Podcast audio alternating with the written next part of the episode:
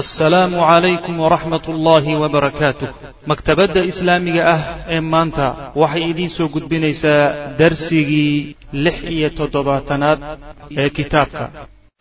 Toddobaad. Sariyada toddobaad.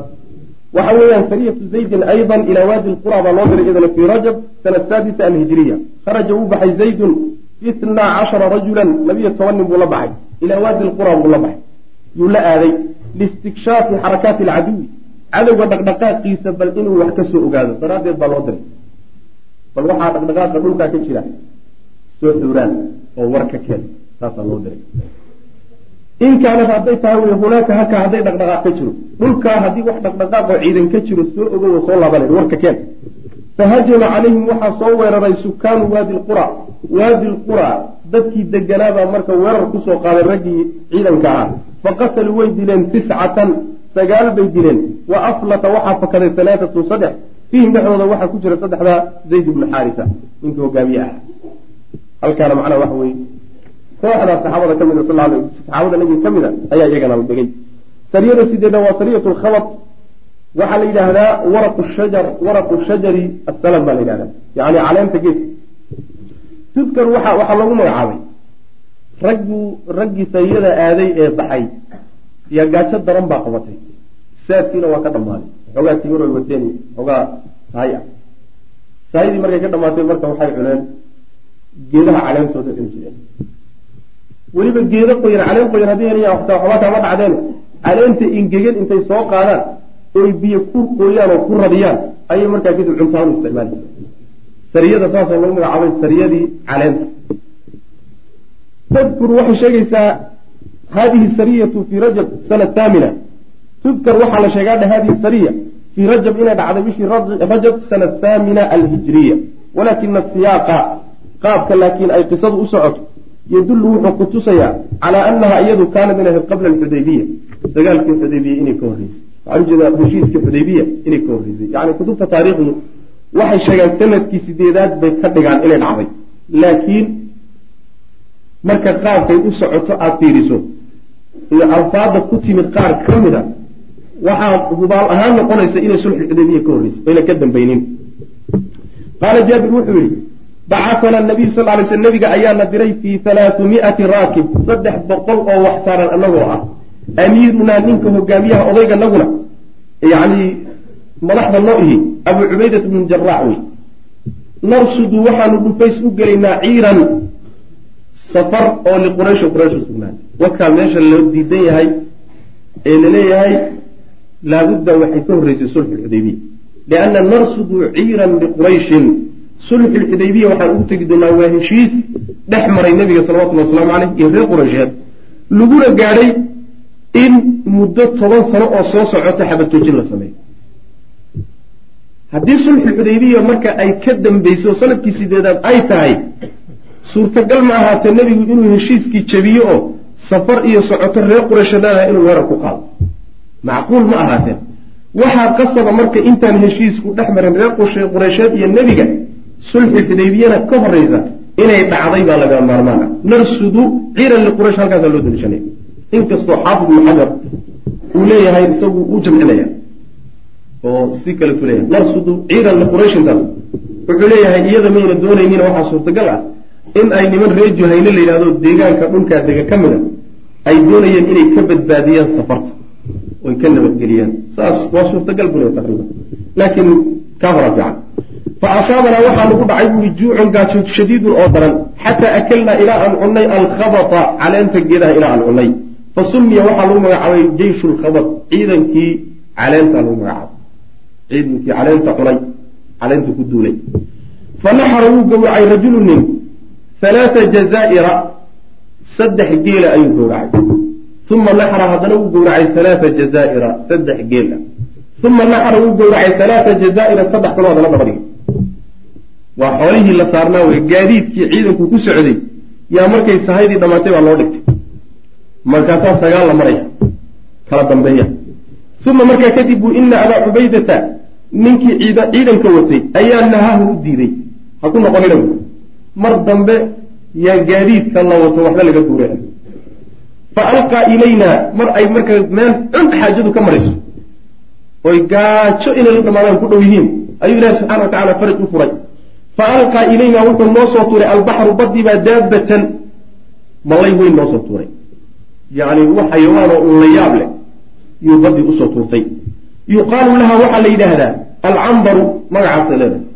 Malay weyn oo cambar la yidhahda ayay badii u soo saartay fa akalnaa minhu waanu ka cunnay nisfa shahrin bil niskeed shan iyo toban beri un baan dul fadhinay oo macnaa daaqayn baasha meesha taal wadahannaa minhu waanan ka subkanay macnaha waxa way basaasnaayeen ciidan gaajaysan wuu iska basaarsan yahayo taqriiban jidhkoodu dufan iyo waxbuu isaga baahanya xaydhiisii intay shiileen bay iyadana macnaha waxa weye saliid ka dhigteen oo marmarsadeen xataa faabad ilaa ay noqotay minhu xaggiisa isaga daraaddii ilaa ay noo soo noqotay ajsaamunaa jidhkanagi ilaa aan cayille wey macnaha marka hore way caatoobeeno yani way taqriiban dhacaan badan iyo waxaa ka baxay aad bay macnaha wey u noqdeen hilibkoodii baa marka u soo labtay iyo jidhkoodii way ku cayileen say meesha udul fadhiyeen wasaluxad jidhkanagi ilaa ay hagaagtay wa akhada abuu cubaydata abuu cubayda wuxuu qaatay markii ay cuneen kadib baa wuxuu qaaday dilcan feedh oo min adlaaci feedhihiisa ka mid feedh feedhihii ka mida markay hilibkii cuneen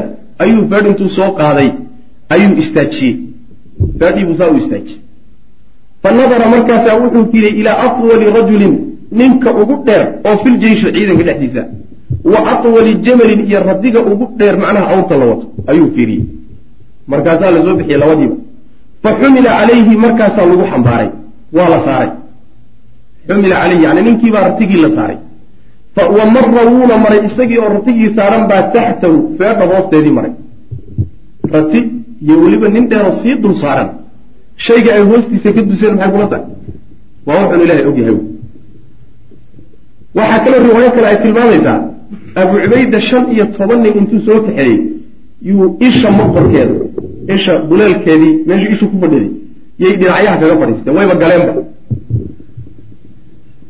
la yaab low isha gudaheeda shan iyo toban nin ay isugu tegayaan waa wax cajiibo xayawaankaasaa marka u soo baxa watazawadnaa waan sahay qaadanay bay dhaheen min laxmihi hilibkiisii baan ka sahay qaadanay markaan cunay oon soo noqonayno hayaanu hilibkimaanaan ka imaanina waxaan soo qaadan karnaan soo qaadanay waxaan soo qaadanay hilibkii iyo iyo washaa'iqa. Min laxmi hilibkiisa waxaan ka soo qaadanay washaa'iqa murmure. Washaa'iqna waxaa la yidhahda hilibka marka la dilaaciyo oo la doonayo masalan in colob laga dhigo ama yani waxa weye la yaryareeyo intaan la yaryareynin dheer markuu dheerdheerya dareer wey saas ama murmuradhe ama dareer kaas wey intay saa u googooyeen oy ingejiyeen ayay sahay u soo qaateen rebaadiyaha saa samayn jirayo taqriiban hilibka inta saa laga dhigo. Si uusan u qurmin oo la ingejiyo ayay waxay u qaadan jireen sahay ahaan. Isagoo saasay markaa sahay u soo qaateen falamaa qadimna almadiinata madiine markaanu nimid ayaanu ataynaa rasul lah sal lay sl nabigaan u nimid fadakarnaahu waan u sheegnay lahu isaga dalika arrin arrinka waan u sheegnay ilahay wuxuu noo soo saaray yani markii xataa ay cuni rabeen way isku khilaafeenoo qole waxay yidhahdeen ruuxan kadaat wuxuu yahay ma garanayne inaga daaye qaarna waxay war ilahay risqigi noo soo saaray wey xataa hadduu xaaraam yahay waanu gaajaysanaha daruura ilahay aynu iska cuni markay ka dhargeenna waxoogaagana soo qaadeen faqaala wuxu uhi nabigu sal lay wasalam huwa isagu risqun waa risqi oo akhrajahu llahu ilaahay uu soo saaray lakum idinku waa risqi ilaahay idiin soo saaray. Ee fahal macakum la jirankiina ma yahay min laxmi hilibkiisii shay-un wax ma ka wadaan oo tadcumuuna aada maquudisaan hilibkiisii waxaad ka wadaan ood wax naga siinaysaan ma jiraan buu nabigu salawatullahi waslamu caleyh fa arsalnaa waan dirnay ilaa rasuli lah sal lay sl nabigaan u dirnay minhu hilibkii qaar ka mid aan u dirnay. Waana cunay markaa nabigu salawatullah waslamu caleyh saas yani damaanu siinaya waa ku xasilinaya hilibkaasi inuu xalaal yahay ayaa la tusaya macna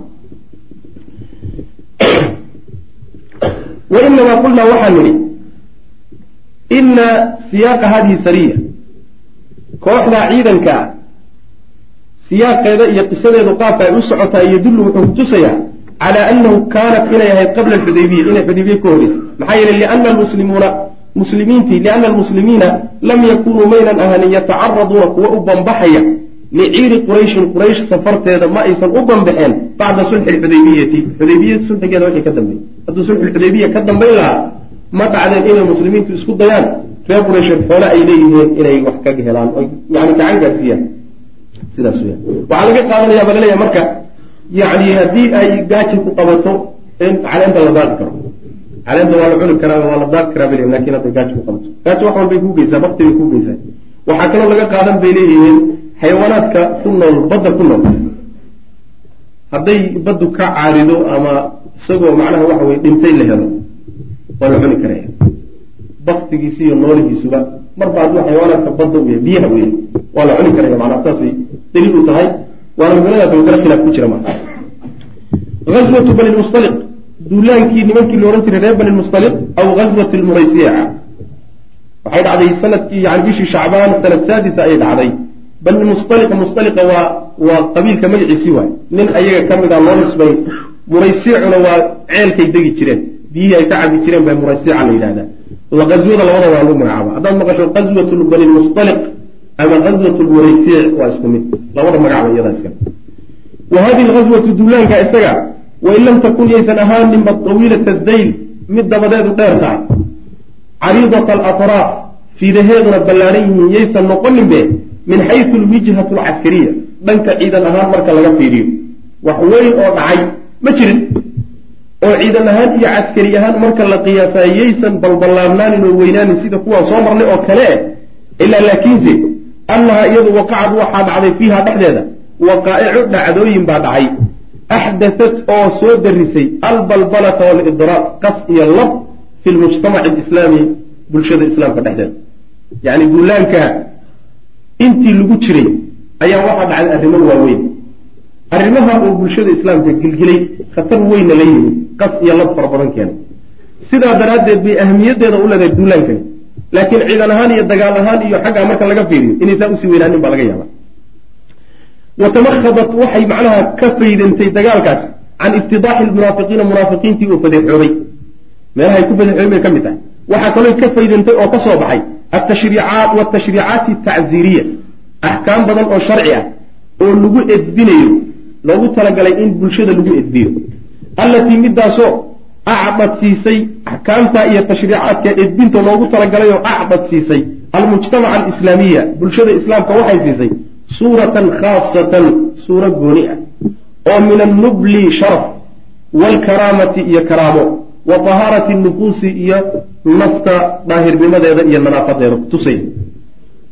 Wa nusridu lghaswata duulaanka ayaanu marka hore taxaynaa awalan marka hore. Duulaankaanu sheegiyo qaabka u dhacay uma markaa kadibna nadkuru waxaan sheegaynaa tilka alwaqaa'ica dhacdooyinkaasaan sheegi doonaa.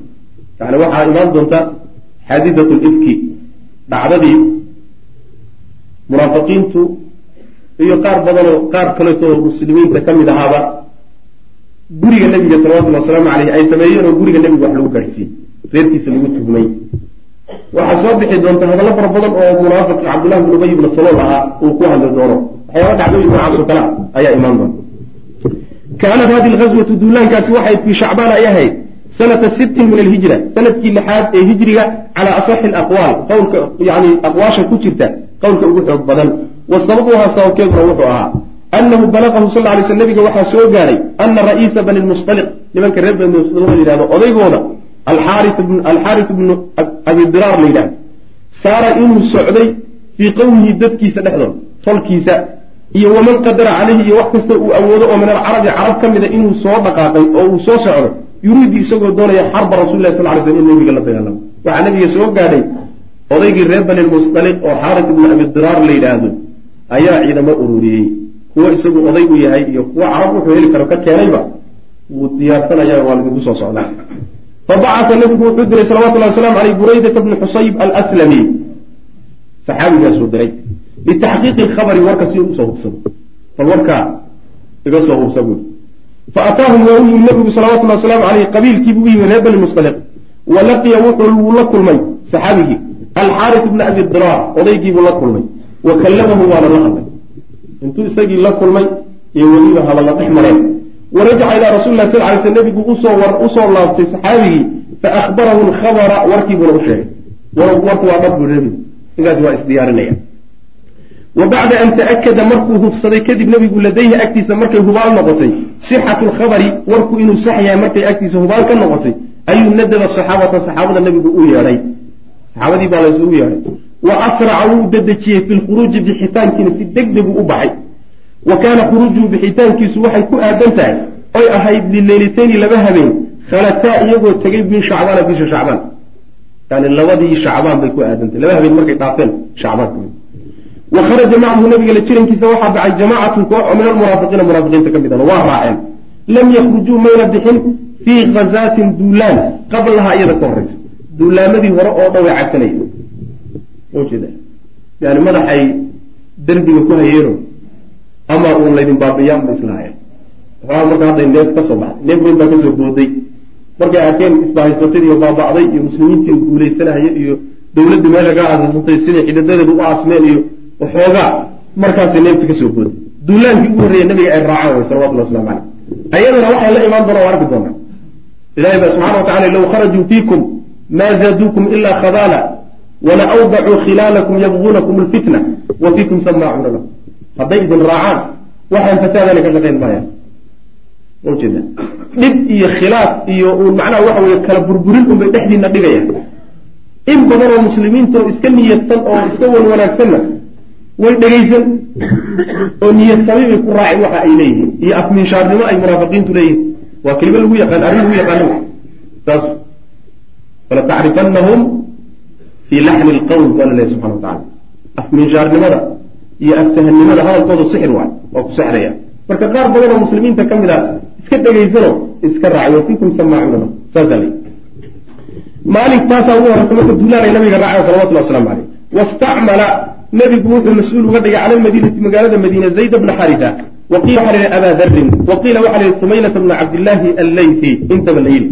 Wa kana alxaaris bna abi diraar ninkaasi wuxuu ahaa qad wajaha mid soo diray buu ahaa caynan.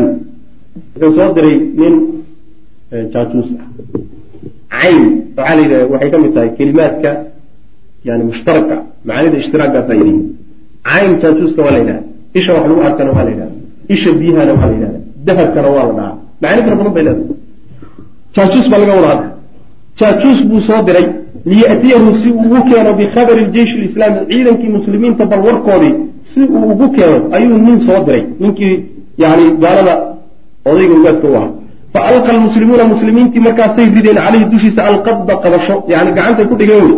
Wa qataluuhu waa la dileen munaafaqii gacanta lagu dhigo waa la qabtay. Markii warkii laga hubsaday kadib inuu munaafiqi inuu yahay yani jaajuus yahayna waa la dilay walamaa balaga markuu gaadhay alxaarisa bna abi diraar waman macahu iyo ciddii la joogtay markay soo gaadhay masiiru rasuulilah sal lay sl nabigii inuu soo dhaqaaqay wa qatluu iyo dilitaankii uu dilay caynahu jaajuuskiisii uu dilay waana laguu soo socdaa jaajuuskaagiina la dil markay soo gaadhay ayaa khaafu way cabsadeen khawfan cabsi shadiidan oo daran wadnaha lagaga dhacay wa tafaraqa canhum waxaa ka kala cararay markiiba man kaana macahum ciddii macahum la jirankooda ciddii ahayda min alcarabi carab carabtii kale ee uu soo ururiyey oo dhan way ka carareen meeshii baa lagu kala tegey isaga keligii iyo reerkiisi baa ku soo haray. Waintaha rasul lah sal ly sl nabigu wuxuu gaadhay ila lmuraysic bidami falfatxi muraysic la dhaho. Musaqaran ismun waa magac oo limaa-in biyo u sugnaado min miyaahin biyahooda ka mida fii naaxiyati qadiid buu ku yaallaa ila saaxili wuxuu ka jiraa xagga xeebtuu ka jiraa fatahaya-uu markay nabigu salawatullah waslamu aleyh muraysic u gaadhay ayay tahaya-u waxay isu diyaariyeen lilqitaali inay la dagaalamaan wuu diyaar garoobay wa safa rasul lah sal lay sl nabigu wuxuu safay asxaabu asxaabtiisa ayuu safay. Wa raayatu muhaajiriina muhaajiriinta calankooduna maca abi bakri sidiiq abubakar baa wada.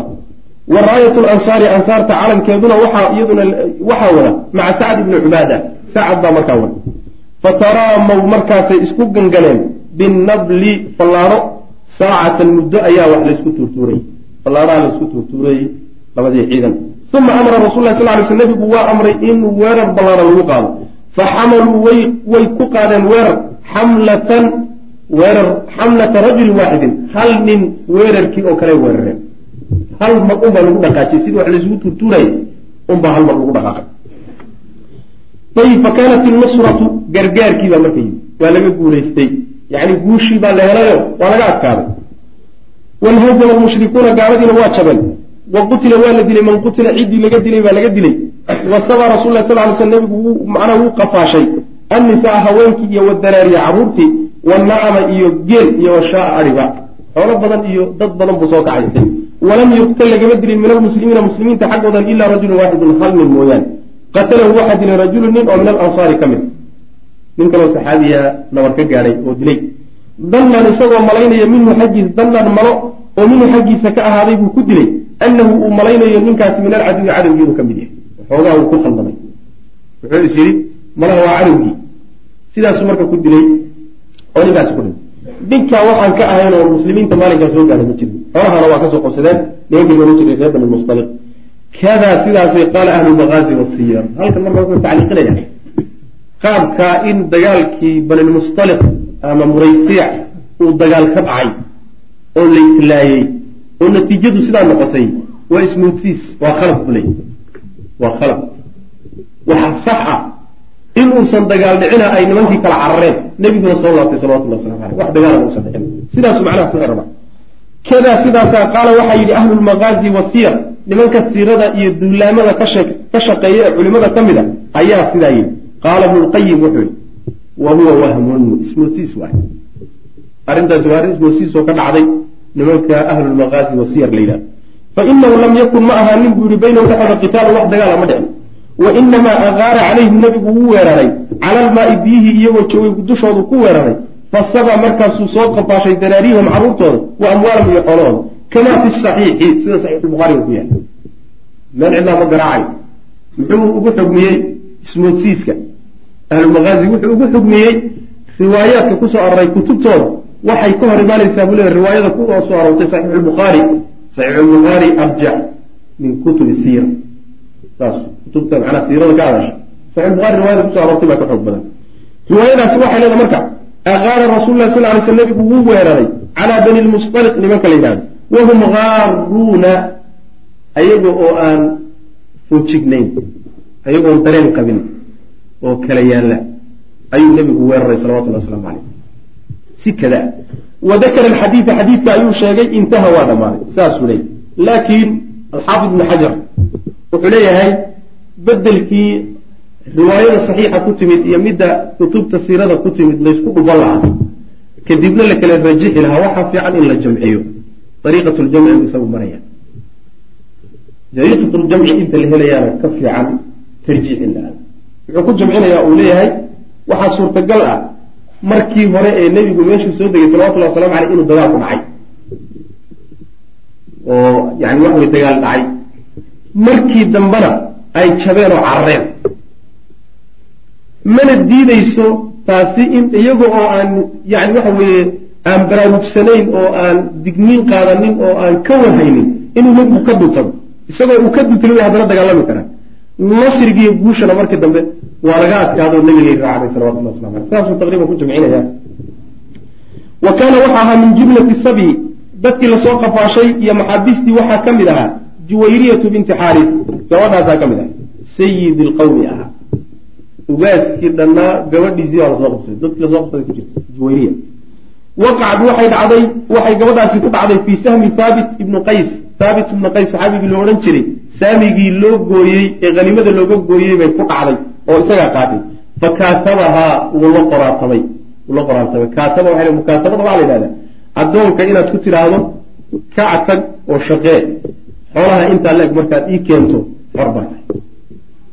Xoolaha markuu keeno xor way marka mukaatabada saasaa la yidhahdaa.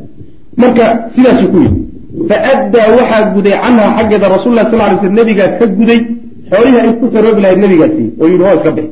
Way xorowday marka markay xorowdayna watazawajaha nabigu waa guursaday salawatullah waslamu caleyh ummahaatulmumin bay mar ka mid noqotay. Fa actaqa almuslimuuna muslimiintii marka waxay xoreeyeen bisababi hada taswiij guursigaa nebigu uu guursaday daraaddeed juwayriya ayay muslimiintu waxay ku xoreeyeen mi'ata ahli beytin min bani lmustaliq boqol qoys oo reer bani mustaliqa ayaa iyada guurkeeda nebigu uu guursaday daraaddeed lagu xoreeyey. Qad aslamuu kuwaasoo islaamay macnaha waxa weeye xididkii nebiga waay. Nebiga xididkiisa sal alay wasalam addoomma u haysta. Waxoogaa waa laga yaro maaragtay qurbadaya sidaa daraaddeed maadaama nebiguba la xididay reerkii hadda nebiga xididkiisa waa in loo sii daayo oo la xoreeyo. Markay islaameen ilaa boqol qoys baa la xoreeyey oo guurkaa lagu xoreeyey. Waa guur barakaysan wa qaaluu waxay idhahdeen ashaaru rasuulillahi sal alay wasalam nebiga xididkiisii wey nebiga xididkiisii weye nebiga xididkiisa yaynan adoonsanayni aan u fasaxno sii dayna macna maadaama uu nabigu la xididay sal allahu aleyh wasalam wa ama alwaqaaci halkaa wuxuu ka gudagelayaa sheekadii duulaanka intaas ku dhameeyey. Sheekadii duulaanka halkaas ku dhamaatay. Dhacdooyinkii duulaanka intii lagu jiray dhacay.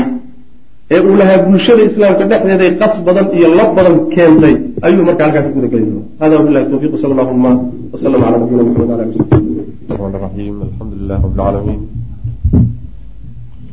sala allahuma waslm cala nabiyina muxamedi wala aalihi wasaxbihi ajmaciin ama bacd waxaan ku soo dhex jirnay aswadii la magac baxday aswatu bani lmustaliq ama aswat lmuraysiica ayaan ku soo dhex jirnay sheekhu markaa waxau inoo sheegay dullaanka inuu xoogaa waxoogaa balqaabkii uu dhacay wax ka sheegi doono. Kadibna dhacdooyin intii duulaanka lagu jiray dhacay inuu iyagana uu sheegi doono. Dagaalkii iyo marka qaabku u dhacay duulaankii qaabku u dhacay ayuu ka warramay. Waxay noo laabnaa marka dhacdooyinkii muddadii dagaalka loo sii socday ama laga soo socday dhacay ayaa inoo laabnaa oo qeybta kale ee hadalku sheekh uu ku saabsan yahay. Wa ama alwaqaa'icu halkaasaan joognay soo ma? Wa ama alwaqaa'icu dhacdooyinka allatii midaasoo xadatat dhacday fii hadihi alghaswa duulaanka dhexdiisa dhacdooyinkii dhacay. Faliajli ana mabcataha yacni waxa uu ahaa ciddii ka dambeysay inuu ahaa daraaddeed ciddii ka dambeysay faliajli ana mabcataha ciddii ka dambeysay kaana inuu ahaa daraaddeed huwa isagu ra'su nifaaq. Munaafiqiinta madaxdoodii inuu ahaa cabdullaahi ibnu ubay wa asxaabihi ayaa naraa waxaan aragnaa buuri yani ciddii ka dambeysay dhacdooyinkaas oo cabdullaahi ibnu ubay ibnu salool iyo raggiisii ahaa daraaddeed taa daraaddeed baa waxay nala tahay an nurida inaan soo aroorinno awalan marka hore shay-an wuxuun oo min afcaalihim waxyaalahay samayn jireen ka mid a fi lmujtamaci alislaami bulshada islaamka. Macnaha waxa weeye intaynaan gudagelin dagaalkaa waxay ku kaceen. Maadaama raggii arrintan ka dambeeyey ay yihiin cabdullaahi ibnu ubay iyo saaxiibadii oo isagu madaxa u ahaa bal waxay bulshada islaamka duulaankan ka hor waxyaalahay ku kici jireen ee ay kula dagaalamayeen islaamka bulshada islaamka dhexdeedana ay ka samayn jireen wax ka mida inaan ka taabanno. Ayaa ila quban buu yiri macnaha intaynaan dhacdooyinka gudagelin. Dowru lmunaafiqiin qabla gaswati bani lmustaliq kaalintii munaafiqiinta intuusan dhicin duulaankii bani lmustaliq ka hor. Duulaankaa ka hor kaalintay qaateen iyo dowrkay ciyaareen iyo waxay qabteen qadamnaa waxaan soo hormarinay buu sheekhu yihi miraaran marar badan ana cabdallaahi ibnu ubay ninka la yidhaahdo kaana inuu ahaa yaxnaqu mid u ciilaysan oo u cadhaysan cala alislaami islaamka dushiisa iyo walmuslimiina iyo muslimiintaba. Yacni inuu ciil daran u qabay.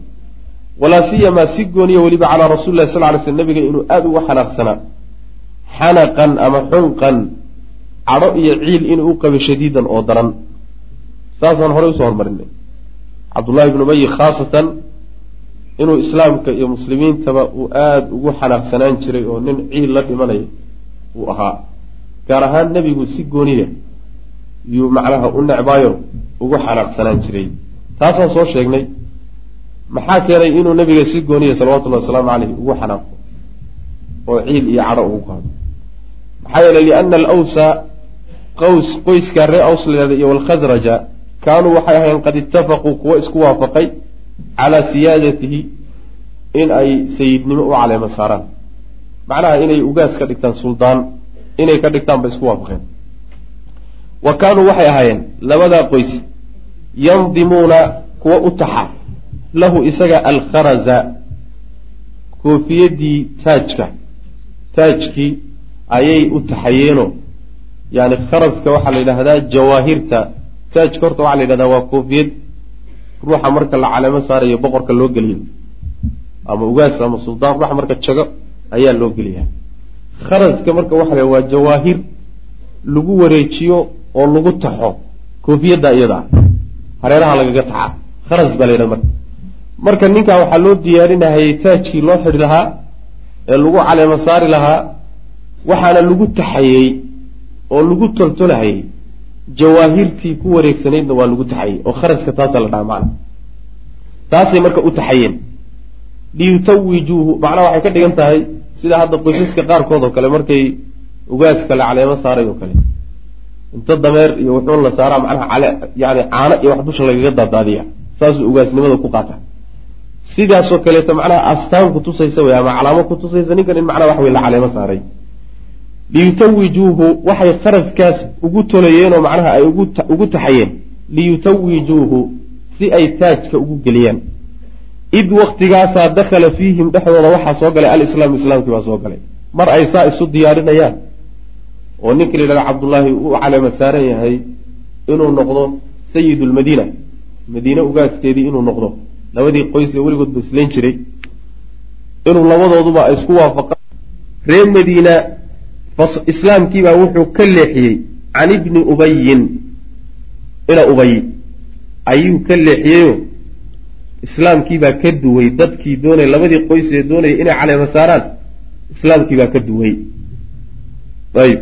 Fa kaana wuxuu ahaa marka cabdullaahi yaraa mid arka ana rasuula llahi sal lay slam huwa isagu alladii kii inuu yahay istalabahu ka boobay mulkahu boqortooyadiisii. Weligiiba cuqdad marka wuxuu qabay inuu nebigu salawatullahi wasalaamu calayhi boqortooye u soo gacan gashay ka boobay. Oo xoog kaga qaatay. Maxaa yeele nebigu markuu yimi salawatullahi wasalamu aleyh oo madiine yimi muslimiintii aws iyo khasraj ahaa nebigay hoos tageen. Asagaana magaaladii ay hoos tagtay kulligeed. Boqortooyadii ninkii la odhan jiray cabdullaahina meeshaasi ku baaba'day cuqdad marka wuxuu qabay inuu maxamed ka boobay. Kursigii iyo boqortooyadii uu u caleema saarnaa sidaasuu marka rumaysnaa taasaa waxay ku dhalisay cuqdada goonida nebiga uu qaaday salawatullahi waslamu caleyh iyo dagaalka goonida uu nebiga la galay. waqad dahara waxaa muuqday xunquhu ama xanaquhu haadaa ee kan ah yacni ciilkiisaas. wuu muuqday oo wuu soo caanbaxay wa taxaruquhu iyo gubashadiisa uu ciilka la gubanayo. waxay banaanka u soo baxday mundu bidaayati alhijra hijrada bilowgeediiba qabla an yatadaahara intuusan muujisaninba bilislaami islaamka intuusan muujisanin. Yani intuusan islaam islaamnimo sheeganin. Ka hor maalmihii hijradu bilaabatee saxaabadu inay madiina u soo hijradaan bilaabeenba maalmahaas oo cadaawadiisa bilowday oy soo banbaxday wa bacda an tadaahara iyo markuu muujistay kadib bihi islaamka uu muujistay kadibna cadaawadiisii waa sii watay. Rakiba rasul lah sal lay slam mithaalbu markayna siinaya cadaawadiisii ka mid. a rakiba wuu fuulay rasuulu lahi sal lay slam nebigu maratan mar ayuu calaa ximaarin dameer fuulay. liyacuuda si uu booqdo sacd ibnu cubaada saxaabigaa si uu u soo booqdo oo ayuu nebigu sal lay waslam dameer fuulay. fa mara wuxuu soo maray nebigu isagoo dameerkiisii saaran bimajlis meel la fadhiyo. majliskaasoo fiihi dhexdiisa uu yahay cabdullaahi bnu ubay. Cabdullaahi bnu ubay golo uu fadhiyo oo dad badanna la fadhiyaan yuu nebigu soo agmaray salawatullahi wasalaamu caleyh fakhamara markaasuu daboolay. Ibnu ubayin ibnu ubayin baa wuxuu daboolay anfahu sankiisuu daboolay. Sankuu marada saartay. Macnaha waxa weeye sidii isagoo wax qarmuun u soo ureen oo kale yuu sanka datay. Wa qaala wuxuu ihi laa tuiru ma laa tuqbiruu laa tuqbiruu calaynaa hana boonaynina macnaha waxa weeye boorhkan kadaata aad nagu kicinaysaan naga daaye nebigu ku salawatullah waslamu aleyh dameerka nebiga boorhkii ka kacayay baa malaha gaadhay. Markaasuu intuu sanka saartay buu yihi naga daaya boorhkaad nagu kicinaysaan. Walamaa talaa rasul sal lay slam markuu nebigu macnaha ku dul akriyay cala almajlisi fadhigii iyo dadkii meesha fadhiya markuu ku dul akriyay alqur'aana xoogaa qur'aan marka nebigu sal lay waslam meesha iyadoo la wada fadhiyo yuu ku dul akriyey qaala marka wuxuu yihi cabdullaahi ijlis fadhiiso niyahu fii beytigaa gurigaaga joog walaa takshana fii majlisina meelaha noogan aan fadhiisaniyo golayaashanadan ha noogu imaanin meeshaadaa ciddii kugu yimaada diinta u sheeg laakiin meelaha kaleeto odayaashu isugu baan aan ku sheekaysanayno adana nooga daa waxyaalahan aada noo sheeg sheegayso sidaasuu ku yidhi nabiga salawatullah waslamu caleyh marka yani waa sida dad badan hadda ay dhahaano war diinta ka daaya suuqa iyo meelahan intaad ka daysaan oo golayaashan iyo meelaha qaadka lagu cunayayo kaca masaajidka la taga oo cid idinku timaadda u sheega sidii oo kaleta wey taqriiban macnaha waxa weye meelahaagaas uun meelo lagu yimaado tago ha noo keenin waxyaalahan kaato naga daa sidaasuu nabigu ku yihi salawatullah waslamu caleyh wa hada arrinkaasi waxa uu ahaa qabla an yatadaahara bilislaam. Islaamnimada intuusan muujisanin bay ahayd. Marka gaal weeyaano waa la ogyahay oo gaalnimo muujistay oo bannaankaasu la taaganya weli islaamnimo ma sheeganin. Walamaa tadaahara bihi islaamnimada markuu muujistay bacda badrin dagaalkii beder kadib markuu islaamnimada muujistayna lam yazal ma uusan ka zuulin ilaa caduwan cadow inuu yahay mooyaane. Lilaahi ilahay uu cadow u yahay walirasuulihi walilmuminiin. Iyo rasuulka iyo muminiinta ayuu cadaawadiisii weli u hayey walam yakun mana uusan ahayn yufakiru mid ku fakiraya ila fi tashtiiti lmujtamaci alislaami. Bulshada islaamka sidii loo kala yani furfuri lahaa oo loo kala kaxayn lahaa oo laysugu diri lahaa intaa unbuba ka shaqaynaya. Fikirkiisa dhan wuxuu ku mashquulsan yahay ninka odayga xaggee baad ka gashaa ood bulshada ka dumisaa wa tawhiini kelimati lislaami iyo islaamka kelimadiisa oo macnaha la dabciyo la jalciyo la daciifiyo sidaasuu ku fikiraya wa kaana wuxuu ahaa yuwaalii mid weli ka dhigto oo la xidhiidha oo yacni ay isjecel yihiin acdaa'ahu nebiga acdaadiisa ayuu xidhiidh la lahaa. Waqad tadakhala wuxuu soo farageliyey fii amri bani qaynuqac kamaa dakarnaa saan soo sheegnay reer bani qaynuqac waynagii soo marnay.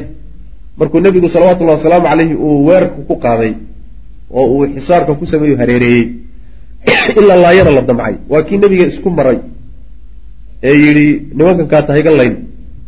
Markii dambena nebigu u sii daayay salawatullahi wasalaamu caleyh arrintii marka reer bani qaynuqaac oo yahuud ahaa qoyskii edabdarrada ku kacay in la laayo markii la damcay ninka ku dhegay nebiga salawatullahi wasalaamu caleyhi ee gundaha qabsaday ee isaga daraaddii lagu sii daayey isaguu ahaa.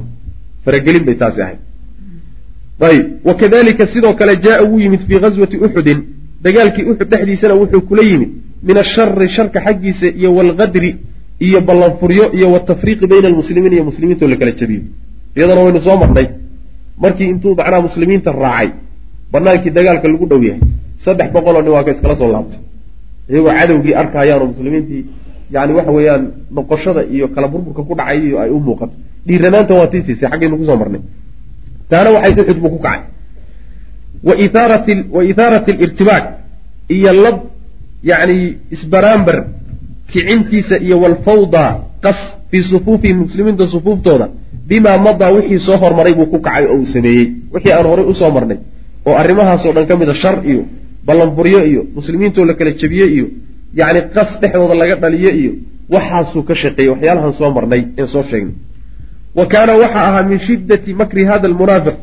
Munaafiqa isaga ah dhagartiisa daraanteeda ay daran tahay waxaa ka mid a wa khidaacihi iyo khadeecadiisa bilmu'miniina mu'miniinta uu khadeecayo yani asaaliibtii qaababku isticmaali jiray ee dadka ku dhagri jiray waxaa ka mid a annahu isagu kaana wuxuu ahaa bacda atadaahuri bilislaam markuu islaamnimada muujistay oo islaamnimo sheegtay kadib waxa uu ahaa yaquumu mid istaaga kulla jumcatin maalin walbo jumca ah xiina yejlisu rasul lah sal ly slm markuu nebigu fadhiisto mimbarka ku fadhiisto lilkhudbati inuu dadka khudbo u akriyo mimbarka markuu ugu fadhiisto maalin walba ayuu macnaha waxa weye wuxuu yeeli jiray wuu soo istaagi jiray macnaha yaquumu mid istaagu ahaa fa markaasu wuxuu odhanayaa nebigii mimbarkuu ku fadhiyaa oo khudbadii inuu jeediyu diyaaruya intuu isa soo taago ayuu marka waxoogaa khudba a ka hormarinaya wuxuu odhan jiray haadaa rasuulullahi sal alay waslam kani waa rasuulku ilaahay oo bayna adhurikum dhexdiina jooga. Dad yahow kani waa rasuul alloo ina dhex jooga. Akramakum allahu ilaahay baa idinku karaameeyey oo idinku maamuusay. Wa acazakum bihi ilaahay baana idinku xoojiyey. Fansuruuhu u gargaara oo isgarab taaga wa caziruuhu xoojiya arrinkiisa wasmacuu lahu maqla wa adiicuu warkiisa yeela uma yejlisu markaasuu iska fadhiisa waa siyaasiyiinta hadda maanta adduunka sameeya jalsayjooyaaloo kaleeto tabtaas yani muraawaqo iyo wax isdabamarin iyo wuxuusan rumaysnayn inuu muujisto iyo ilan waxa weeye wuxuu saaran yahay doon ka xoog badan buu saaran yahay markab uusan isagu u haynin hogaanka u haynin buu saaran yahayo waa inuu marka waxa weye sidii macnaha waxa weeye yani bahalkii midabaysan jiray oo kaleeto. Kolba midab inuu yeesho oo u muujiya dadka inuu nebiga taageersan yahayo uu ayidsan yahay. Si kale ila wax ku heli maayo. Saasuu odhanay.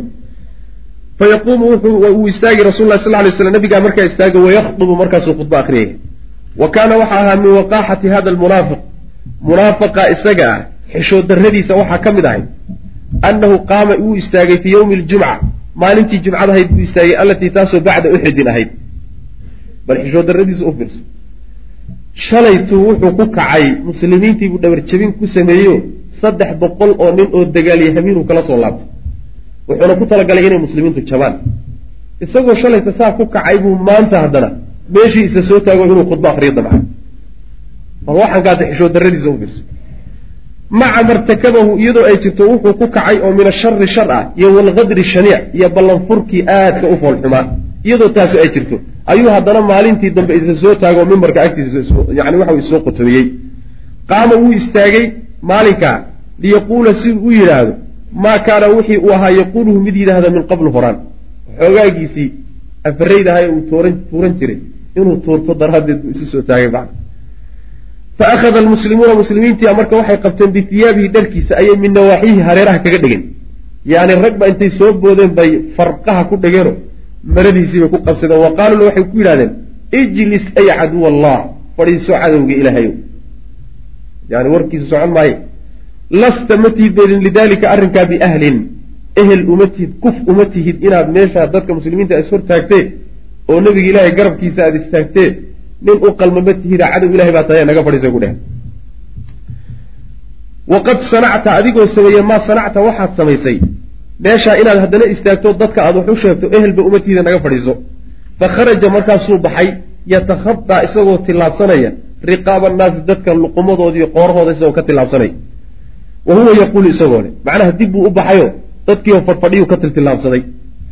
Isagoo ku hadlayo markaa odhanaya wallaahi lakaannamaa qultu bujran an qumtu ashdudu amrahu wuxuu yidhi wallaahi ilaahay baan ku dhaartay waa hadalka macnaha uu leeyay lakaannamaa waaba isagoo qultu aan idhi bujran shar anoo ku hadloo kaleba wey an qumtu inaan istaagay daraaddeed ashdudu anoo adkaynaya amrahu arrinkiisa anoo ninkan arrinkiisa xoojinayo hala taageero leh istaagiddaan istaagay bay tani iigu dhacday soo maa sidii anigoo shar iyo xumaan iyo waxun soo wada ama ku hadlay oo kale yaa sidaa la ii galay soo maa oo waxaad soo waday muxuu ah waxaasuu ku sheekaysanaya warma shar baad ku hadasho. ma xumaan baa hadda kor lagaaga bartay meesha inaad kaga hadasho. soo wanaagu maada sheegi jiro ninkan hala taageero oo hala ayido hala xoojiyo maada dhihi jiri maxaa waxani kuugu dhacayaan?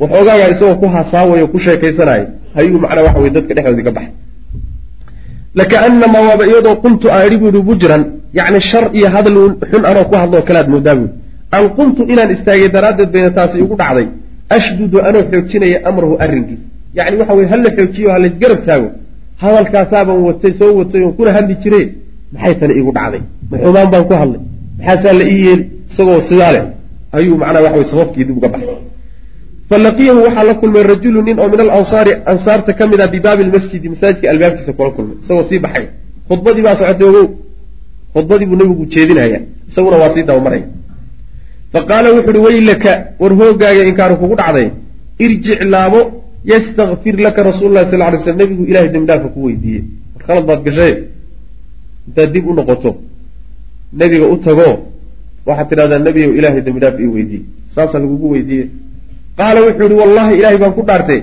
maa abtagii ma doonayo ma dalbayo an yastakfira lii inuu ilahay dembidhaaf ii weydiiyo. Mana rabo dembidhaaf weydiintiise kacay dhaafi wuu iska tegey. Meeshii buu ka baxay. Ninkaasi marka wuxuu ahaa ninkaas macnaha waxa weeye aada yani u ah tiirdhaxaadka u ah sharkii ay munaafiqiintu wadeen isagaa madax u ahaa. Waana ogaa nebigu salawatullahi wasalaamu calayhi munaafiqnimadiisana waa ogaa waxaan uu dabarhayay ee maamulayana dee dadweynaha muslimiintaba kama qarsooneyn macna wa kaanat lahu wa kaanat lahu wuxuu lahaa waxa u sugnaatay oo uu lahaan jiray sidoo kale itisaalaati itisaalaati itisaalaatin ayuu lahaa xidhiidhyo bibani nadiir. Reer bani nadiirna xidhiidh buu la lahaan jiray. Yu'aamiru macahum shirqool ayuu la samaysan jiray dida almuslimiina muslimiinta ka dhan ah.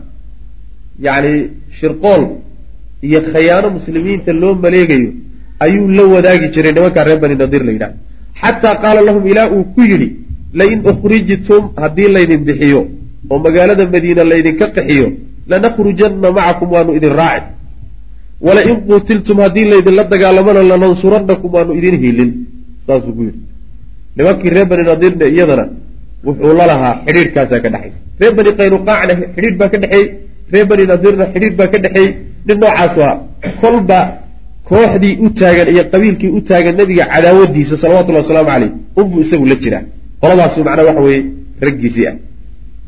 Wa kadalika sidoo kale ayaa facala way sameeyeen huwa isaga iyo asxaabuhu raggiisu fii ghaswati alaxzaab duulaankii axzaabna waxay sameeyeen min ithaarati alqalaq. Waxyaala fara badan bay ku kaceen waxaa ka mid a min ithaarati alqalaqi yacni qas kicintiisa iyo walidraabi iyo isbaraambar wa ilqaa'i arucbi iyo argagax riditaankiisa iyo wadahshati hanfariid fii quluubi lmu'miniina mu'miniinta quluubtooda lagu rido. Maa shay ayay ku kaceen qas qad qasa allahu tacaala ilaahay uu nooga qisooday fii suurati alaxzaab uu kaga qisooday. Dagaalkii axzaabna iyadana gacan waxay ka geysteen inay muslimiinta dhexdooda qaska abuuraan oo labka abuuraan oo argagax geliyaan oo cabsiiyaan oo ay moraalkooda jebiyaan ayadana dowr way ka ciyaareen alla subxaana wa tacala fi suurati alaxzaab wuxuu ku leeyay waid yaquulu lmunaafiquuna waladiina fii quluubihim maradun ma wacadana allahu warasuuluhu ilaa guruura wadkur id waqti yaquulu lmunaafiquuna munaafiqiintu ay leeyihiin iyo waladiina kuwa fii quluubihim quluubtooda maradun cudurku uu yahay maa wacadana allahu ilaahay nooma yamuuhin warasuuluhu rasuulkiisu ilaa guruuran kada mooyaane. Yani waa u dhala kadiye wayna khayaameen wey. Ilahiy rasuulkiisu markay lahayn waa laydiin helino waa laydinla jiraayo malaa'ig baa soo degiyo xagga allah laydinka helin. Wayna khayaamayeen saas way macnaha oo macnaha waxa weeyaan god bay looga tillaabsadeen saasoo kale leeyi ilaa qawlihi laga gaadho yaxsabuuna alaxzaaba lam yadhabuu wain yaأti alaxzaabu yawaduu low anahum baaduuna fi lacraab yas'aluuna can anba'ikum walow kaanuu fiikum ma qaataluu ila qaliila yaxsabuuna waxay moodayaan alaxzaaba isbahaysatadii lam yadhabuu inaysan weliba tegin. Isbahaysatadii oo carartay oo ilahay duu dabiila ku kaciyeeyey ayaan jooginba ayay iyagu maalmo dambe sii gabanahayeen oo cabsanayeen. Waxayba la tahayba nimankii inay meesha fadhiyaan. Waxay moodayaan isbahaysatadii iyo xulafadii gaashaabuurtii weli inaysan tegin oo meesha joogtay moodayaan. Wa in yaati alaxzaabu isbahaysatadu hadday timaadana yawadduu waxay jeclaanayaan low annahum iyagu baaduuna inay baadiyaha degaan fil acraabi reebaadiyaha dhexdooda dadka reebaadiyaha ee magaaladaba aan deganayn inay la degaan oo magaalada ka fogaadaan saasay jeclaan lahayeen haddii macnaha isbahaysatadu ay soo geli lahayd magaalada. Yas'aluuna waxay weydiinayaan markay baadiyaha degaan can ambaa'ikum warkiinay warsanayaan. Macnaha markay magaalada baadiyaha ka degaan bal idinkiiyo isbahaysatadii wixii idin dhex maray warka inay helaan bay rabaan. War maxaa laga soo sheegay magaaladii? Intaas dawrkoodu kaalintoodu waa inta waa rag baqday oo meel fog tegey oo macnaha shanqadha xataa inay maqlaan aan doonaynin maxaa la yidhi bay u tahay? Maxaa la yidhi? War maxaa la soo sheegay?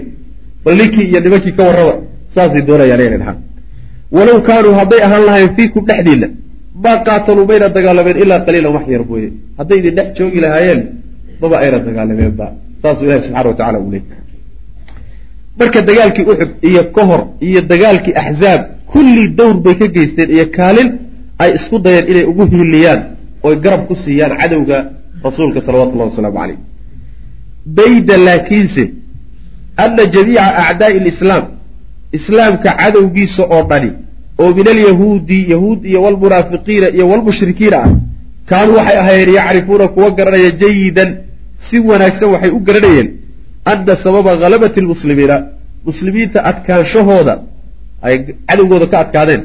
Sababkiisu laysa inuusan ahayn huwa isagu altafawuqu almaadi sarrayn ee cadowgooda kaga sarreeya xagga maadada ma aha sabab. Saas si fiican u garanaya tafawuqa maadiga waxaa laga wadaa tafawuqa yani dunyawiga ah oo ay ka mid tahay tan oo kaleeto masalan xagga tirada iyo tayada iyo dhankaas yaa maadiga la yidhaahdaa marka yahuud iyo munaafiqiin iyo gaalo kulligood waxay ogaayeen muslimiintu sababka ay kaga adkaanayaan cadowgooda ma aha in ay xagga maadada kaga xoog kaga sarreeyaan oo keliya ma aha. Wa katratu silaaxi iyo hubkoo badan ma aha. Waljuyuushi iyo ciidamadoo badan ma aha. Walcadadi iyo tiradoo badan ma aha. Sababka keenay inay guulaystaan kuwaa inaysan ahayn bay yahuud iyo gaaloo dhan garanayeen. Muxuu yahay sababku marka? Sababka keenay guusha muslimiinta muxuu aha cadowgooda inay ka adkaadaan. Leanna waa laga tira badnaa. Oo tiro cadowgooda ku gaari maayaan. Xagga hubka laftiisa hubku kolba wuxuu ku xidhan yahay macnaha ciidanka in yani badnaashiisa seefaa lagu wada dagaalamaya iyo warmo iyo waxyaala noocaas oo kale. Laakiin haddii lagaa rag badan yahay waa lagaa hub badan yahay. Sidoo kaleeto fardaha iyo gaadiidka geele la fuulo iyo waa laga badnaa saxaabadii nabiga salawatullah waslamu aleyh markay dagaalamayeen marka tiro nasriga iyo guusha ay gaadheen iyo adkaanshahoodu kuma imaanin iyo xoog way la dheeriyihin muxuu ku yihiin marka?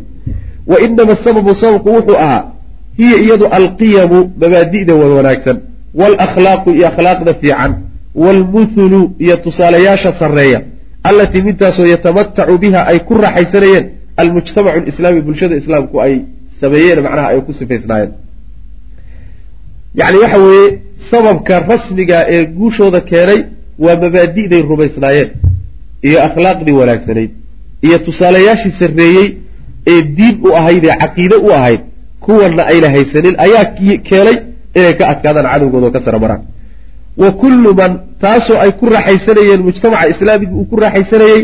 Wa kullu man cid walbana ay ku raaxaysanaysa. Ciddaasoo yamutu ku gaadhaya bisilatin xidhiidh. Ilaa hada diini diin diintan iyada ah xidhiidh la leh. Matta baa la yidhahdaa idaa tawasala bihi.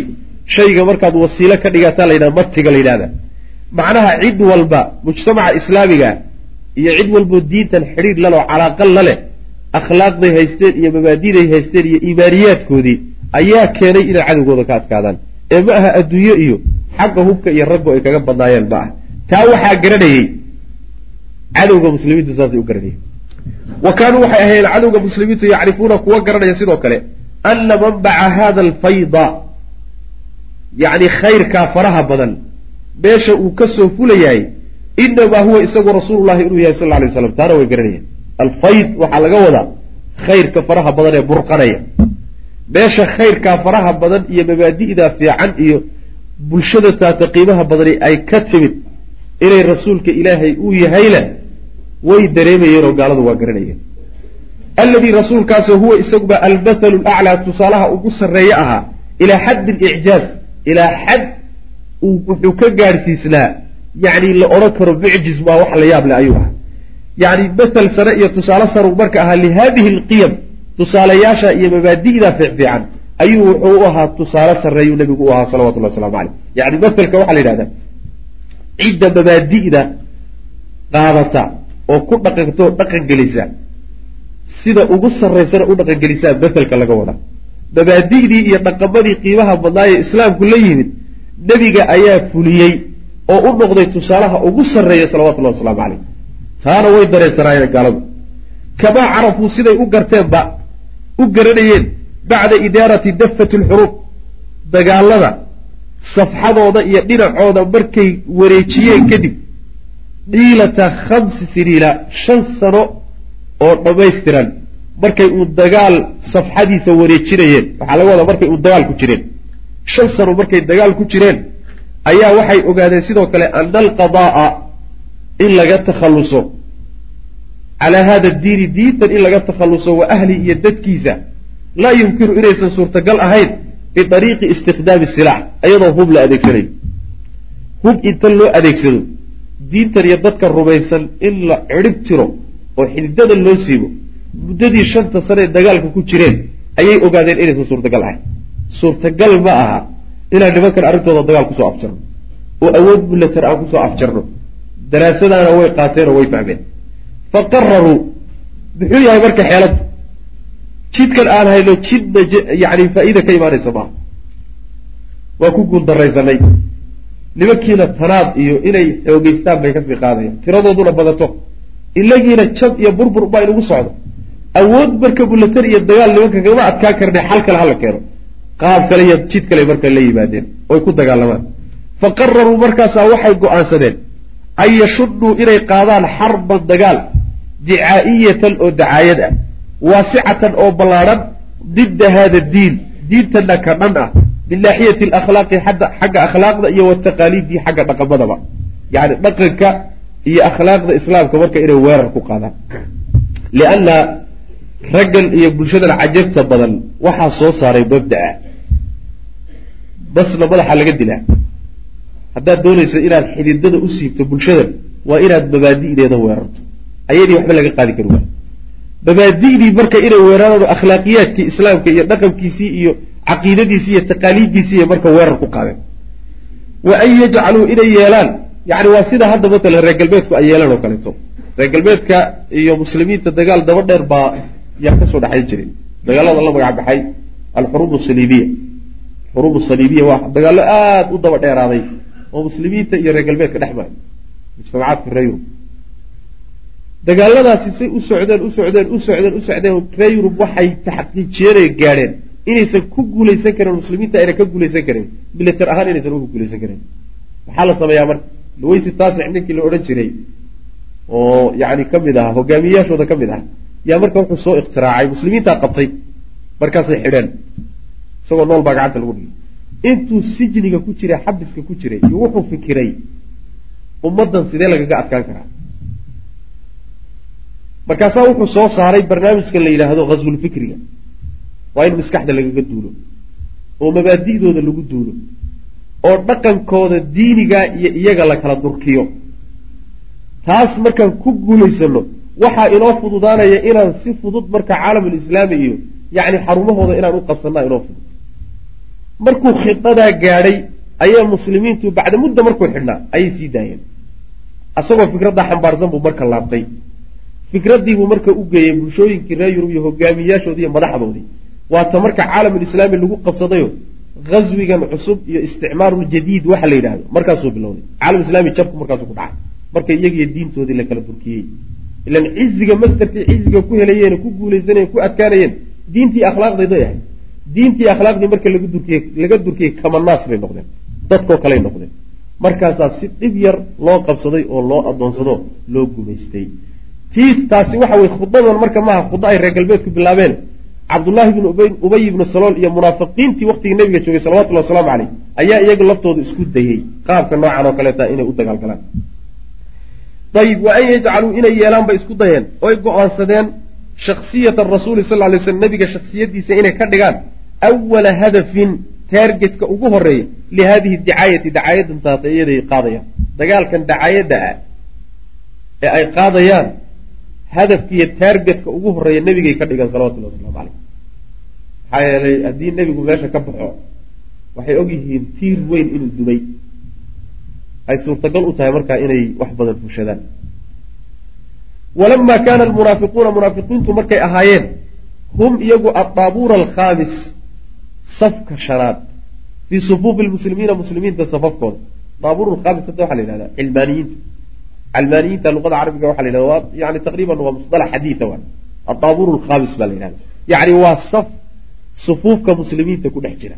Daabuurkana asalkiisa safka la yidhahda marka waxay ahaayeen saf ku dhex jiray sufuufka muslimiinta oo mayna ka socnayn oo cadow gooni kaaga baxsan oo laga taxadaro nimanku ma ahayn safkay masaajidkay ku jireeno magaaladay deganaayeeno niman noocaasay ahaayeen. Walikownihim ahaanshahooda daraaddeed sukaana almadiinati madiinada deegaankeeda ay ka mid ahaayeen daraaddeed. Ayaa kaana waxaa ahaa muslimiintu ay ku dhex jiraan iyo magaaladii la degan yihiin. Arrinkaasaa kaana wuxuu ahaa yumakinu lahum mid uu suurtagelinaya alitisaala inay la xidhiiraan bilmuslimiin muslimiinta inay la xidhiiraan waistifzaazi mashaacirihim iyo dareenkooda inay argagixiso ku beeraan kulla xiinin mar walba inay kacsadaan dareenka muslimiinta inay kacsadaanoo waxay doonaan ka fushadaan waxaa u suurtagelinaya muslimiintu ay dhex deganaayeen macnaha hadday meel fog kaa degan yihiin waxoogaa waad ka taxadari oo dadkaaga waad ka ilaashan oo yani taxadar baad qaadan.